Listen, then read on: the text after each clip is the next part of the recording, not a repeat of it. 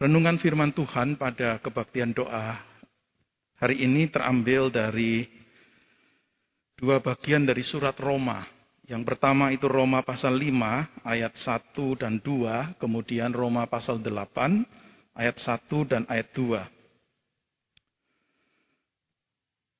Yang bagian pertama Roma 5 ayat 1 hingga ayat yang kedua. Sebab itu kita yang dibenarkan karena iman, kita hidup dalam damai sejahtera dengan Allah oleh karena Tuhan kita, Yesus Kristus. Oleh dia, kita juga beroleh jalan masuk oleh iman kepada kasih karunia ini. Di dalam kasih karunia ini kita berdiri dan kita bermegah dalam pengharapan akan menerima kemuliaan Allah. Kemudian bagian yang kedua dari pasal yang ke-8, Roma pasal 8 ayat 1 dan ayat yang kedua. Demikianlah sekarang tidak ada penghukuman bagi mereka yang ada di dalam Kristus Yesus. Roh yang memberi hidup telah memerdekakan kamu dalam Kristus dari hukum dosa dan hukum maut. Sampai sedemikian jauh pembacaan firman yang akan menjadi dasar untuk renungan kita. Saudara, pada bulan Oktober ini khususnya tanggal 31 Oktober kita dibawa untuk mengingat peristiwa yang terjadi 505 tahun yang lalu yaitu peristiwa reformasi. Ketika tokoh yang bernama Martin Luther itu menempelkan 95 dalil di pintu gerbang sebuah gereja di kota Wittenberg di Jerman sebagai satu bentuk protes terhadap penyelewengan gereja di dalam hal pengajaran atau kebenaran. Gerakan reformasi itu kita tahu menjalar ke berbagai tempat dan membawa dampak perubahan bagi gereja dan juga bagi kehidupan orang Kristen. Kebenaran-kebenaran penting yang sudah diselewengkan atau yang sudah dilupakan oleh orang Kristen atau oleh gereja itu ditegakkan kembali.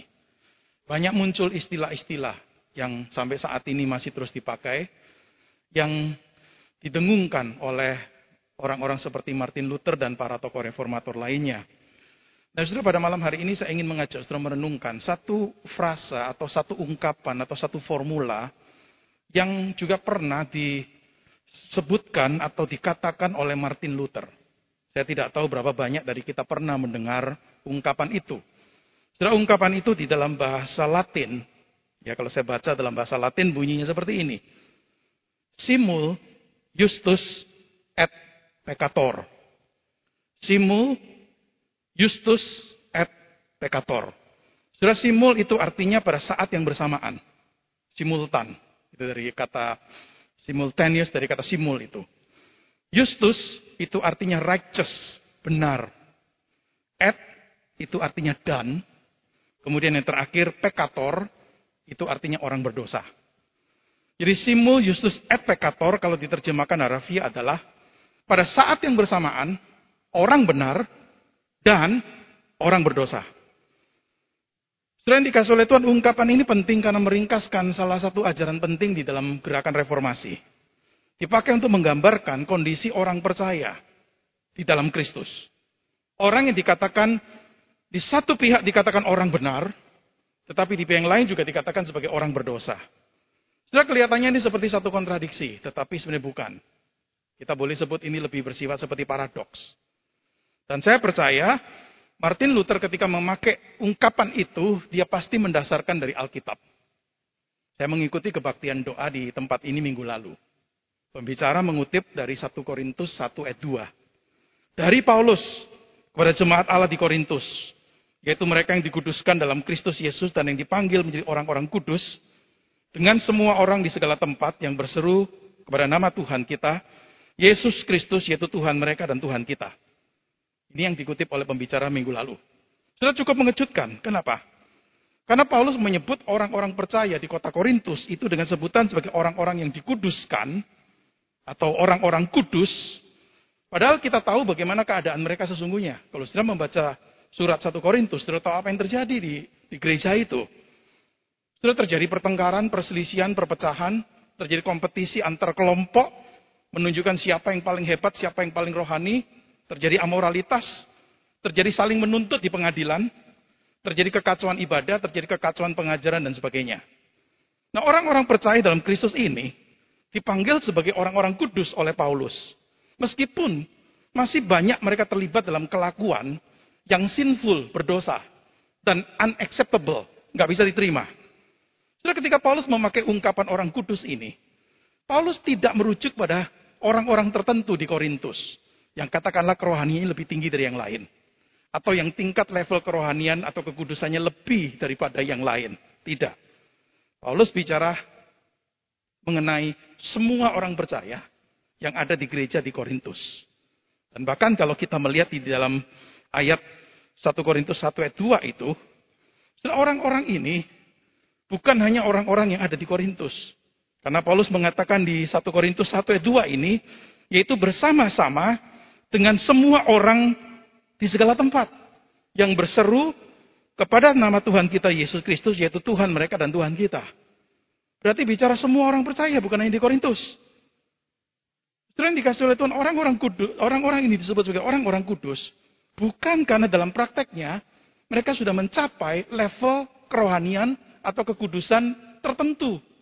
Misalnya, oh sangat-sangat saleh, atau sangat tidak berdosa, blameless, tidak ada cacatnya. Sudah bukan itu. Paulus bicara setiap orang percaya, semua orang percaya. Setelah itu yang uh, bacaan dari minggu lalu dalam khotbah minggu lalu. Sudah setiap minggu kita mendeklarasikan pengakuan iman rasuli. Salah satu kalimatnya adalah aku percaya gereja yang kudus dan am, persekutuan orang kudus. Tapi kalau memakai atau meminjam istilah dari Martin Luther, nggak cukup mengatakan gereja adalah persekutuan orang-orang kudus. Gereja adalah persekutuan orang-orang kudus yang juga adalah orang berdosa. Sudah Martin Luther tidak salah ketika mengucapkan kalimat itu. Dan yang dia maksud bukan artinya begini.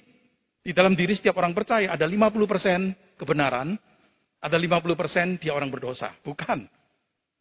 Ketika Martin Luther memakai ungkapan orang benar atau orang kudus, kemudian juga disebutkan orang berdosa, dia bicara secara totalitas. Dia bukan bicara secara partial, secara separuh, 50%. Atau berapa persen dia kudus dan berapa persen dia berdosa. Tidak. Tapi seorang percaya disebutkan benar atau righteous atau holy atau kudus. Tapi dari perspektif lain dia juga adalah orang berdosa. Mari kita lihat secara cepat satu persatu. Yang pertama, saudara orang percaya adalah orang benar. Kenapa? Karena dia percaya pada Kristus dan kebenaran atau righteousness-nya Kristus itu menutupi, melingkupi dia dan diperhitungkan kepada orang ini. Roma 5 ayat 1 tadi yang kita baca berkata begini, sebab itu kita yang dibenarkan karena iman, kita hidup dalam damai sejahtera dengan Allah oleh karena Tuhan kita Yesus Kristus.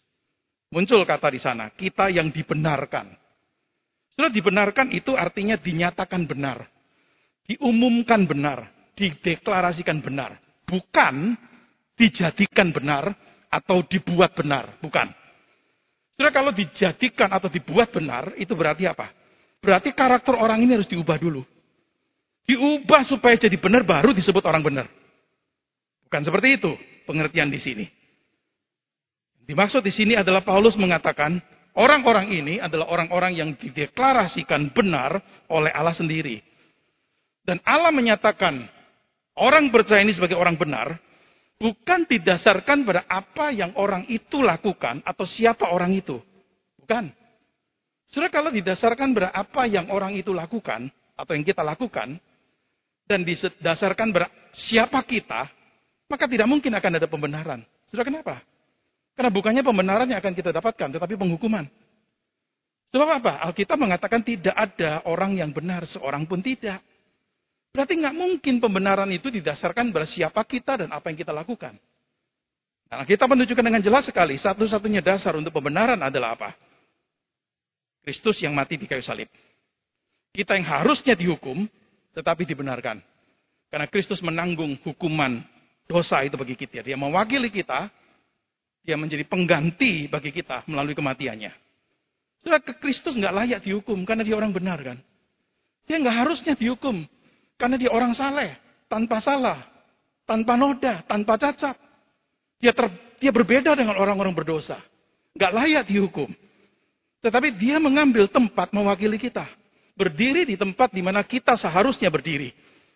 Dan dia merepresentasikan kita dan menerima hukuman yang sebenarnya adalah hukuman untuk kita. Sudah apa akibatnya seorang itu dibenarkan? Sudah tadi kita membaca di Roma 5 ayat 1 dikatakan begini. Akibat dari dibenarkan adalah kita ini hidup dalam damai sejahtera dengan Allah. Jadi kita dibenarkan, kemudian kita ini hidup dalam damai sejahtera dengan Allah. We have peace with God Bukan we have peace of God. Jadi kalau dikatakan we have peace of God, damai dari Allah, itu bersifat subjektif. Ada yang merasakan damai, ada yang tidak merasakan. Tetapi ketika Paulus berkata peace with God, itu bukan subjektif. Tetapi itu objektif. Bahwa kita ini sudah diperdamaikan dengan Allah. Itu artinya. Tidak ada lagi permusuhan antara kita dengan Allah. Saudara setuju atau tidak, sudah happy atau tidak, sudah rasa aman atau tidak dengan kebenaran itu, tetap adalah orang yang sudah dibenarkan, itu memiliki peace with God. Itu sesuatu kebenaran yang bersifat objektif. Dan itu menunjukkan dengan jelas sekali dosa kita diampuni, dan kita tidak dilihat lagi sebagai musuh. Maka Roma 8 ayat 1 yang tadi kita baca mengatakan apa? Tidak ada penghukuman bagi orang yang ada di dalam Kristus. Artinya apa? Tuhan nggak akan melawan orang ini lagi. Tuhan tidak akan memberikan tuduhan lagi. Menganggap, oh kamu salah, harus dihukum. Kenapa? No condemnation, karena kita ada dalam Kristus. Setelah inilah kemuliaan Injil. Kemuliaan Injil menunjukkan dengan jelas sekali bahwa Allah itu mendeklarasikan. Orang percaya menjadi orang yang punya hubungan benar dengan dia. Berdamai dengan dia. Tidak peduli orang ini adalah orang berdosa atau orang jahat. Setelah inilah posisi, inilah identitas, inilah status kita di hadapan Tuhan. Maka bicara pembenaran, setelah ini bukan sesuatu yang ada tingkatannya atau rankingnya. Setelah kita nggak bisa mengatakan begini, Paulus itu lebih dibenarkan daripada saya atau daripada saudara. Paulus tidak lebih justified dibandingkan dengan saudara dan saya.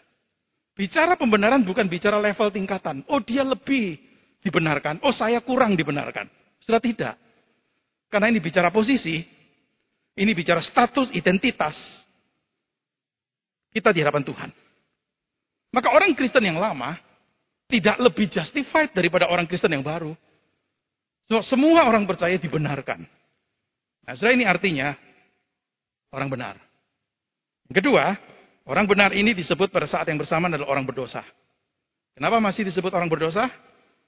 Karena kita tahu orang percaya itu masih punya keinginan-keinginan berdosa. Kita masih punya dosa, kehadiran dosa itu belum sepenuhnya hilang dari hidup kita.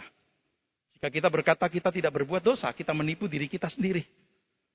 Kebenaran itu tidak ada dalam diri kita. Kalau kita mengatakan kita tidak ada dosa. Setelah dalam praktek hidup, jelas sekali kita ini masih melakukan dosa. Salah satu buktinya adalah ketidaktaatan kita pada Tuhan. Sekalipun kita ini adalah orang percaya atau orang beriman. Dosa itu masih terjadi dalam hidup kita. Roma 8 ayat 2 yang tadi kita baca berkata begini. Roh yang memberi hidup telah memerdekakan kamu dalam Kristus dari hukum dosa dan hukum maut. Sudah perhatikan, Paulus tidak berkata begini. Roh itu membebaskan kamu dalam Kristus dari dosa. Enggak. Kita dimerdekakan atau dibebaskan dari apa? Hukum dosa. Bukan dari dosa. Maka kita nggak pernah bebas sepenuhnya dari dosa. Kita hanya dilepaskan dari apa? Dibebaskan dari the power of sin. Kata hukum di situ punya pengertian power, kekuatan.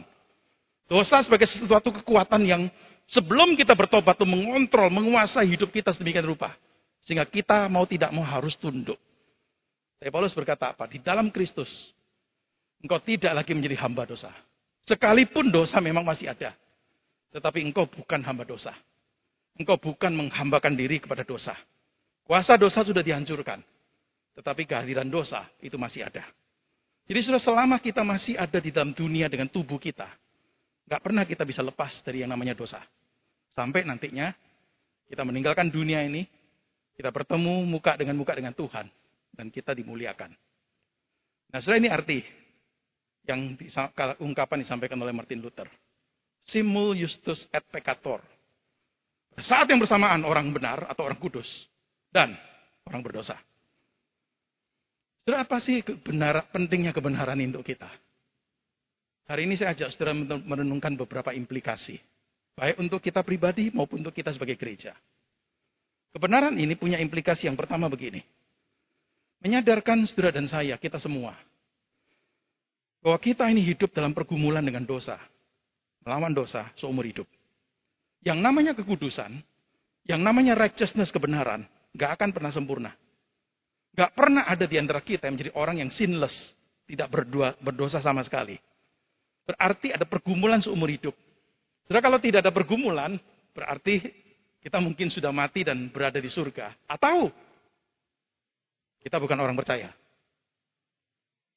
Kalau ada pergumulan itu menunjukkan dengan jelas sekali. Kita ini adalah orang percaya. Orang percaya terus-menerus bergumul dengan dosa. Kenapa? Karena kita memiliki natur berdosa itu. Sudah pergumulan ini pernah digambarkan oleh Paulus dengan kalimat seperti ini. Keinginan daging Berlawanan dengan keinginan roh. Dan keinginan roh berlawanan dengan keinginan daging.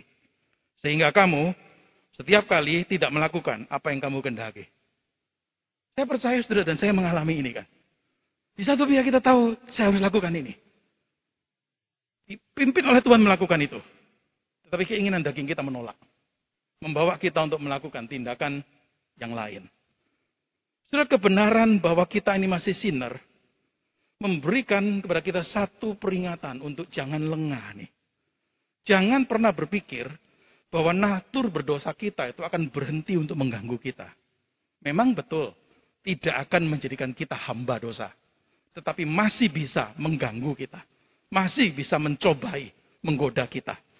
Setan akan ikut terus menggoda kita. Dunia dengan segala daya tariknya juga memberikan dorongan melalui pencobaan-pencobaan untuk supaya saudara dan saya itu jatuh dalam dosa. Kita ini bisa menjadi orang yang bukannya ingin uang, tetapi menjadi orang yang serakah dengan uang. Kita ini bukan hanya menjadi orang yang cuma berpikir untuk diri sendiri, tetapi kita itu bahkan bisa begitu egoisnya sampai kita memanipulasi orang lain untuk kepentingan atau keuntungan diri kita. Kita bukan hanya bisa berpikir salah, tetapi kita bisa berpikir pikiran-pikiran yang kotor yang bejat. Maka kita perlu hati-hati. Sewaktu diri kita itu terbuka, membiarkan diri kita terbuka terhadap website-website, film-film, pertunjukan-pertunjukan, ataupun mungkin majalah-majalah yang pada akhirnya membawa kita jatuh. Sudah jangan kita ini dengan sengaja mengundang serangan si jahat. Ini hal pertama. Saudara dan saya sebagai orang percaya, hidup dalam pergumulan ini, melawan dosa ini. Saudara, gereja adalah persekutuan orang-orang kudus dan sekaligus orang-orang berdosa. Maka di gereja pasti ada struggle. Pergumulan ini bukan hanya pergumulan pribadi, tetapi ini pergumulan dalam komunitas. Tadi di awal saya sebutkan contoh gereja Korintus. Saudara, gereja yang penuh potensi, Orang-orangnya luar biasa, mungkin ada yang kaya, ada yang begitu punya talenta banyak. Jadi terjadi, terjadi pertengkaran, perpecahan. Gak ada gereja yang ideal. Jadi kalau kita mengerti ini, maka di dalam gereja pun atau berhubungan dengan orang percaya lainnya, jangan kita menjadi discouraged kalau menemukan adanya orang percaya yang bagaimanapun dewasa imannya, akhirnya jatuh dalam dosa atau melakukan hal-hal yang tidak sepatutnya dia lakukan. Jangan discourage, jangan kaget. Ketika kita menemukan ada orang-orang percaya tertentu yang menurut kita nggak mungkin dia jatuh. Tapi jatuh. Paulus dan Barnabas pernah bertengkar. Sama-sama hamba Tuhan yang dipakai. Saya pernah berselisih, berpendapat, akhirnya memutuskan apa? Saya pergi ke sana, kamu pergi ke situ. Gak mau kerja sama. Ini dua tokoh yang luar biasa kan di dalam penginjilan di gereja mula-mula, tapi pernah berselisih. Saudara kebenaran simul justus et peccator membawa kita realistis melihat gereja. Malih membawa kita untuk realistis berharap tentang gereja. Karena tidak ada gereja yang ideal. Yang kedua, implikasi yang kedua begini. Saudara kita seharusnya tidak menjadi putus asa dan bahkan menyerah di dalam pergumulan melawan dosa. Saudara kita ini harus melihat dari dua perspektif ini. Orang benar, orang berdosa. Nggak boleh cuma menekankan satu, mengabaikan yang lain. Nggak boleh tidak seimbang, nggak boleh pincang. Saudara kalau cuma memfokuskan beraspek orang berdosa, maka kita ini akan terus excuse untuk keberdosaan kita. Ya karena aku orang berdosa memang. Ya pantas saja jatuh lagi, jatuh lagi. Karena aku orang berdosa. Tetapi jangan lupa, kita adalah orang benar. Status kita orang benar, kita harus hidup sesuai dengan status identitas itu. Justification, pembenaran, selalu memimpin pada pengudusan, sanctification. Dan untuk menjadi kudus, perlu satu perjuangan. Usaha keras. Tapi bersyukur, saudara. Perjuangan itu selalu ada harapan. Betul memang dosa itu bisa sangat mengganggu kita, mengusik kita. Tetapi kita tidak putus asa. Sudah kenapa? Di pasal yang kelima ayat 2 yang tadi kita baca, Roma 52, Paulus berkata begini. Oleh dia, kita juga beroleh jalan masuk oleh iman kepada kasih karunia ini. Di dalam kasih karunia ini kita berdiri. Dan kita bermegah dalam pengharapan akan menerima kemuliaan Allah. Kita beroleh jalan masuk. Kita yang dibenarkan kita beroleh jalan masuk. Kita bisa dibawa dekat. Kita bisa diperkenalkan. Ke mana nih? Ke tahta surga. Secara umumnya kita ini hanya dapat mengembangkan satu relationship dengan orang yang katakanlah orang besar, orang yang powerful. Jikalau ada orang memperkenalkan kita pada orang itu. Sudah di sini digambarkan kita ini dibenarkan di dalam Kristus. Dan karena itu apa? Kita beroleh jalan masuk. Mendapatkan akses. Kita bisa masuk ke mana? Masuk dalam satu relasi dengan Allah. Maka bicara pembenaran, justification, bukan sekedar, oh enggak bermusuhan lagi dengan Allah. Bukan sekedar tidak ada lagi permusuhan kita dengan Allah. Tetapi bicara justification, bicara aspek yang lain yaitu apa? Ada relationship yang bisa dibangun. Inilah hubungan dengan Allah. Inilah relationship dengan Allah. Di mana kita ini bisa dapat datang pada dia. Membawa pergumulan-pergumulan kita, permohonan-permohonan kita, problema-problema kita. Bahkan kegagalan-kegagalan kita. Karena kita berhubungan dengan dia dan dia mendengar kita, mengerti kita, dan mau menolong kita. Maka di Ibrani 4.16, Yesus sebagai imam besar, buka jalan. Supaya kita ini bisa menghampiri tahta kasih karunia di surga. Dan apa? Dan menerima rahmatnya, menemukan kasih karunia untuk mendapat pertolongan kita pada waktunya. Sudah ini loh. Jadi kita berjuang bergumul memang. Tetapi bukan menjadikan kita putus asa dalam pergumulan ini. Sudah gereja adalah persekutuan orang-orang benar yang sekaligus juga orang-orang berdosa. Gereja perlu menyadari panggilan ini. Sudah bicara persekutuan bukan sekedar bicara pertemuan. Sama-sama ketemu di satu tempat, ayo makan, minum bersama. Tapi persekutuan ini adalah persekutuan untuk apa? Untuk pertumbuhan rohani. Paulus pernah katakan apa? Paulus pernah katakan bertolong-tolonganlah. Menanggung bebanmu. Karena itulah engkau menggenapi hukum Kristus. Gak bisa kalau kita tidak saling menolong. Kenapa? Karena kita berjuang bersama nih. Dosa itu membuat kita bergumul dengannya. Tetapi bersyukur kita ini tidak hopeless. Tapi kita hopeful. Jadi jika kita mengerti ini, maka kita juga tidak akan menyerah. Di dalam mendoakan, katakanlah orang-orang tertentu, mungkin saudara-saudara seiman kita di gereja. Yang menurut kita, karakternya nggak mungkin berubah. Yang menurut kita, ini orang buruk, jahat. Yang menurut kita ini troublemaker. Yang menurut kita ini orang suka main politik. Sudah kenapa? Karena keyakinan ini loh. Iya orang berdosa betul. Tetapi dia juga adalah orang benar. Maka kalau kita memiliki saudara seiman yang jatuh dalam dosa, kita angkat, kita bawa untuk kembali bangkit. Mengingatkan, engkau orang benar, engkau orang kudus. Hiduplah sesuai dengan identitasmu. Jadi itu pengertian gereja sebagai persekutuan orang benar. Dan juga sekaligus orang berdosa. Yang ketiga, yang terakhir, Implikasi yang ketiga adalah begini. Saudara kita tidak seharusnya merasa tidak aman, tidak secure, tidak merasa terjamin dengan keselamatan kita. hanya karena kita ini masih berdosa. Saya percaya saudara ada banyak orang Kristen dalam momen-momen tertentu ketika menilai diri dengan jujur. Dia mungkin berpikir begini. Bagaimana bisa aku disebut orang percaya? Aku lihat diriku, kekuranganku, cacatku, keberdosaanku. Bagaimana bisa surga itu akan menjadi milikku? Kalau aku ini adalah orang yang seperti ini. Tindakan-tindakanku begitu jahat. Sudah bahkan kita menemukan ada orang-orang Kristen yang begitu ketakutan, begitu kekuat, khawatir sekali. Tidak akan diterima oleh Tuhan. Menjelang akhir hidupnya. Karena dia merasa dia tidak sempurna di dalam menjalankan hidup imannya. Sudah dikasih oleh Tuhan, jikalau kita tidak bicara mengenai ungkapan Martin Luther ini. Simul justus et peccator. Maka realitas dosa yang masih terus-menerus ada bisa membuat kita ragu. Ragu mengenai identitas kita di dalam Kristus.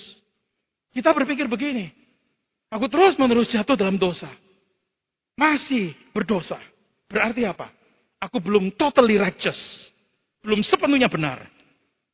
Saudara, kalau kita cuma berpikir seperti ini akan menghancurkan. Fondasi yang tadi dikatakan kita ini sudah didamaikan dengan Allah. Fondasi yang tidak pernah akan berubah. Justru dengan menerima kebenaran ini, simul justus et peccator, saya tidak harusnya bertanya, apakah saya ini orang kudus, orang benar atau tidak. Dan satu waktu akan diterima oleh Tuhan. Ketika saya menyadari saya orang berdosa, yang masih banyak melakukan dosa. Sudah jikalau kita menyadari pada saat yang bersamaan aku orang berdosa, orang benar dan orang berdosa. Maka aku bisa confident bahwa dosa-dosaku tidak akan mempengaruhi status dan identitasku sebagai orang kudus. Kenapa? Ingat, pembenaran kita bukan karena siapa kita dan apa yang kita lakukan. Pembenaran kita terletak di dalam Kristus. Dan hanya dia, bukan di dalam diri kita. Justru ketika merenungkan hal pembenaran, itu memberikan satu penghiburan. Bukan karena tingkah lakuku yang baik, maka aku akan diterima Tuhan. Bukan karena tingkah lakuku yang baik, maka aku akan masuk surga. Tetapi karena Yesus dan apa yang dia kerjakan.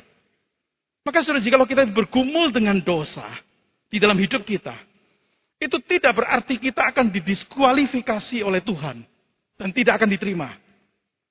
Terus justru dua hal ini berjalan bersamaan mengingatkan kepada kita di satu pihak sebagai orang benar, kita ini terjamin keselamatan kita.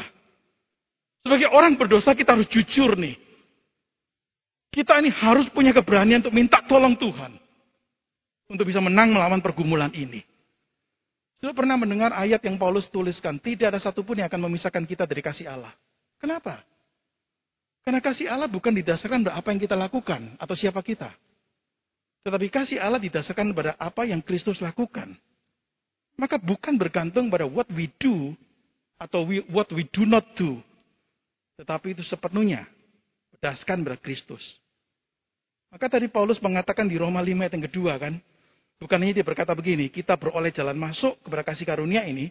Tapi kalimat terakhir Roma 5 ayat 2. Kita bermegah dalam pengharapan akan menerima kemuliaan Allah. Sudah kata berharap, hope, dalam bahasa Inggris atau berharap dalam bahasa Indonesia, tidak terlalu kuat. Karena berharap itu bisa punya artinya saya inginkan sesu, saya menginginkan sesuatu, tapi saya nggak bisa pastikan. Kata pengharapan di dalam bahasa asli Alkitab lebih kuat. Karena itu menunjukkan conviction, keyakinan, kepastian. Maka bicara pengharapan Kristen bukan bicara hopeful wish, Bukan wish yang hopeful. Tetapi bicara keyakinan. Yang penuh dengan pengharapan. Keyakinan bahwa apa yang Allah berikan, Allah menjaminnya. Dan Allah adalah Allah yang tidak pernah berbohong. Allah adalah Allah yang tidak pernah menyesali panggilan dan pemberiannya. Maka tidak heran di Roma 8 ayat 1, Paulus berani mengatakan, demikianlah sekarang. Tidak ada penghukuman bagi mereka yang ada di dalam Kristus Yesus. No condemnation. Saudara kalimat no condemnation itu bukan artinya begini. Ada kalanya kita di bawah no condemnation. Kalau kita baik, nanti pada waktu kita berbuat jahat, berbuat dosa, kita dibawa condemnation. Seringkali tanpa sadar kita melihat iman kita seperti itu. Kalau aku baik, dengan usahaku berbuat baik, tidak akan dihukum. Tapi kalau aku tidak baik, pasti akan ada hukuman. Jadi ketika Paulus mengatakan no condemnation, itu artinya apa? No condemnation at all. Condemnation itu does not exist anymore. Bagi orang percaya. Yang dimaksud dengan penghukuman di sini adalah apa? Nantinya ditolak oleh Tuhan dan dimasukkan neraka. Kalau disiplin, masih Tuhan lakukan. Mendisiplin kita supaya apa? Kita menjadi lebih suci. Lebih baik lagi. Tapi condemnation penghukuman tidak akan terjadi bagi orang yang dikatakan di sini jelas sekali, orang yang di dalam Kristus Yesus. Jadi ini implikasi yang terakhir, yang ketiga yang saya ingin ajak saudara renungkan. Bahwa kita ini tidak seharusnya merasa tidak secure, tidak terjamin, tidak aman dengan keselamatan kita. Hanya gara-gara kita ini masih berdosa. Saudara gereja adalah persekutuan orang benar yang sekaligus juga adalah orang berdosa. Sekali lagi saya katakan persekutuan fellowship itu bukan sekedar pertemuan, bincang-bincang, makan minum. Tapi persekutuan adalah satu perjuangan untuk bertumbuh bersama. Ketika saya menonton film The Lord of the Rings beberapa tahun yang lalu yang sangat terkenal itu ya tiga dari novelnya Tolkien, The Lord of the Ring, tiga jilid yang terkenal. Baik novel ataupun film, judul pertamanya adalah The Fellowship of the Ring. Sudah yang pernah nonton film itu sudah tahu bagaimana seorang bernama Frodo punya cincin yang kelihatan satu pihak memberi keberuntungan, tetapi pihak yang lain membawa kecelakaan pada dia. Dan dia ini harus buang, harus musnahkan cincin itu. Maka dia mau pergi ke Mount Doom, bukit atau gunung Doom, tempat di mana cincin itu nanti akan dilemparkan di sana dan akan dibinasakan. Tapi untuk menuju ke sana, novel jilid pertama atau film jilid pertama menunjukkan dibentuklah Fellowship of the Ring. Dia ditemani oleh delapan orang lainnya. Sembilan orang ini karakter berbeda. Orang berbeda. Kekuatan berbeda. Kelebihan berbeda.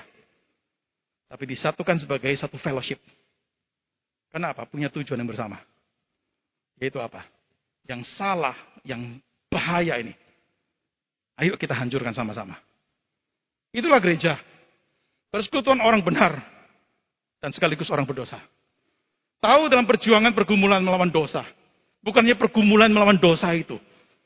Tetapi juga sering ada pikiran-pikiran yang salah. Membuat iman kita itu lemah. Maka gereja bagi saya itu bukan galeri. Untuk menunjukkan. Ini loh orang-orang Kristen yang unggul. Tapi gereja adalah seperti satu sekolah. Untuk pendidikan. Orang-orang yang tidak sempurna. Maka ketekunan sampai akhir itu orang sebut sebagai community project. Proyek kebersamaan, bukan sendirian. Frodo bisa mencapai Mondum. Dan kemudian bisa melemparkan cincin itu. Supaya binasa. Karena apa? Karena ada delapan teman yang lain. Yang setia mendampingi. Itu gereja. Persekutuan orang benar. Sekaligus juga orang berdosa. Mari kita berdoa.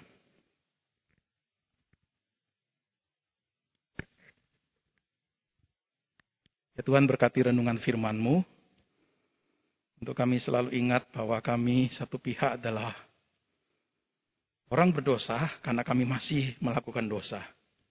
Tetapi kami punya identitas baru sebagai orang benar, orang kudus. Meskipun kami belum mencapai level kekudusan tertentu. Tetapi kami adalah orang kudus, orang benar. Dan kami dipanggil untuk hidup sesuai dengan identitas status itu. Tolonglah kami memahami gereja sebagai persekutuan orang benar. Yang sekaligus juga orang berdosa. Menyadarkan kami memang hidup tidak pernah lepas dari pergumulan melawan dosa. Tetapi kami diingatkan, pergumulan itu bukan pergumulan yang tanpa harapan. Perjuangan melawan dosa atau perjuangan yang punya harapan. Karena kami orang benar. Di dalam Kristus, kami punya Tuhan yang sanggup menolong kami. Menang di dalam perjuangan atau pergumulan itu. Terima kasih Tuhan. Karena kami punya security, keamanan, keterjaminan di dalam Engkau. Sekalipun kami ini masih penuh kelemahan, penuh dosa. Saya bersyukur karena kami diselamatkan. Bukan karena siapa kami atau apa yang kami lakukan. Tetapi karena apa yang Kristus telah lakukan untuk kami. Bila kalau ada hal-hal salah di dalam pemikiran kami, sebagai orang-orang beriman, sungguh boleh dibuang, dijauhkan. Untuk supaya tidak menggerogoti akan iman kami di dalam engkau. Iman yang kami percaya, secure, aman di dalam engkau. Karena engkau Tuhan tidak pernah menyesali dan membatalkan pemberianmu, panggilanmu, kasihmu untuk kami. Berkati renungan firmanmu menjadi pedoman untuk hidup kami. Di dalam nama Tuhan Yesus kami berdoa. Amin.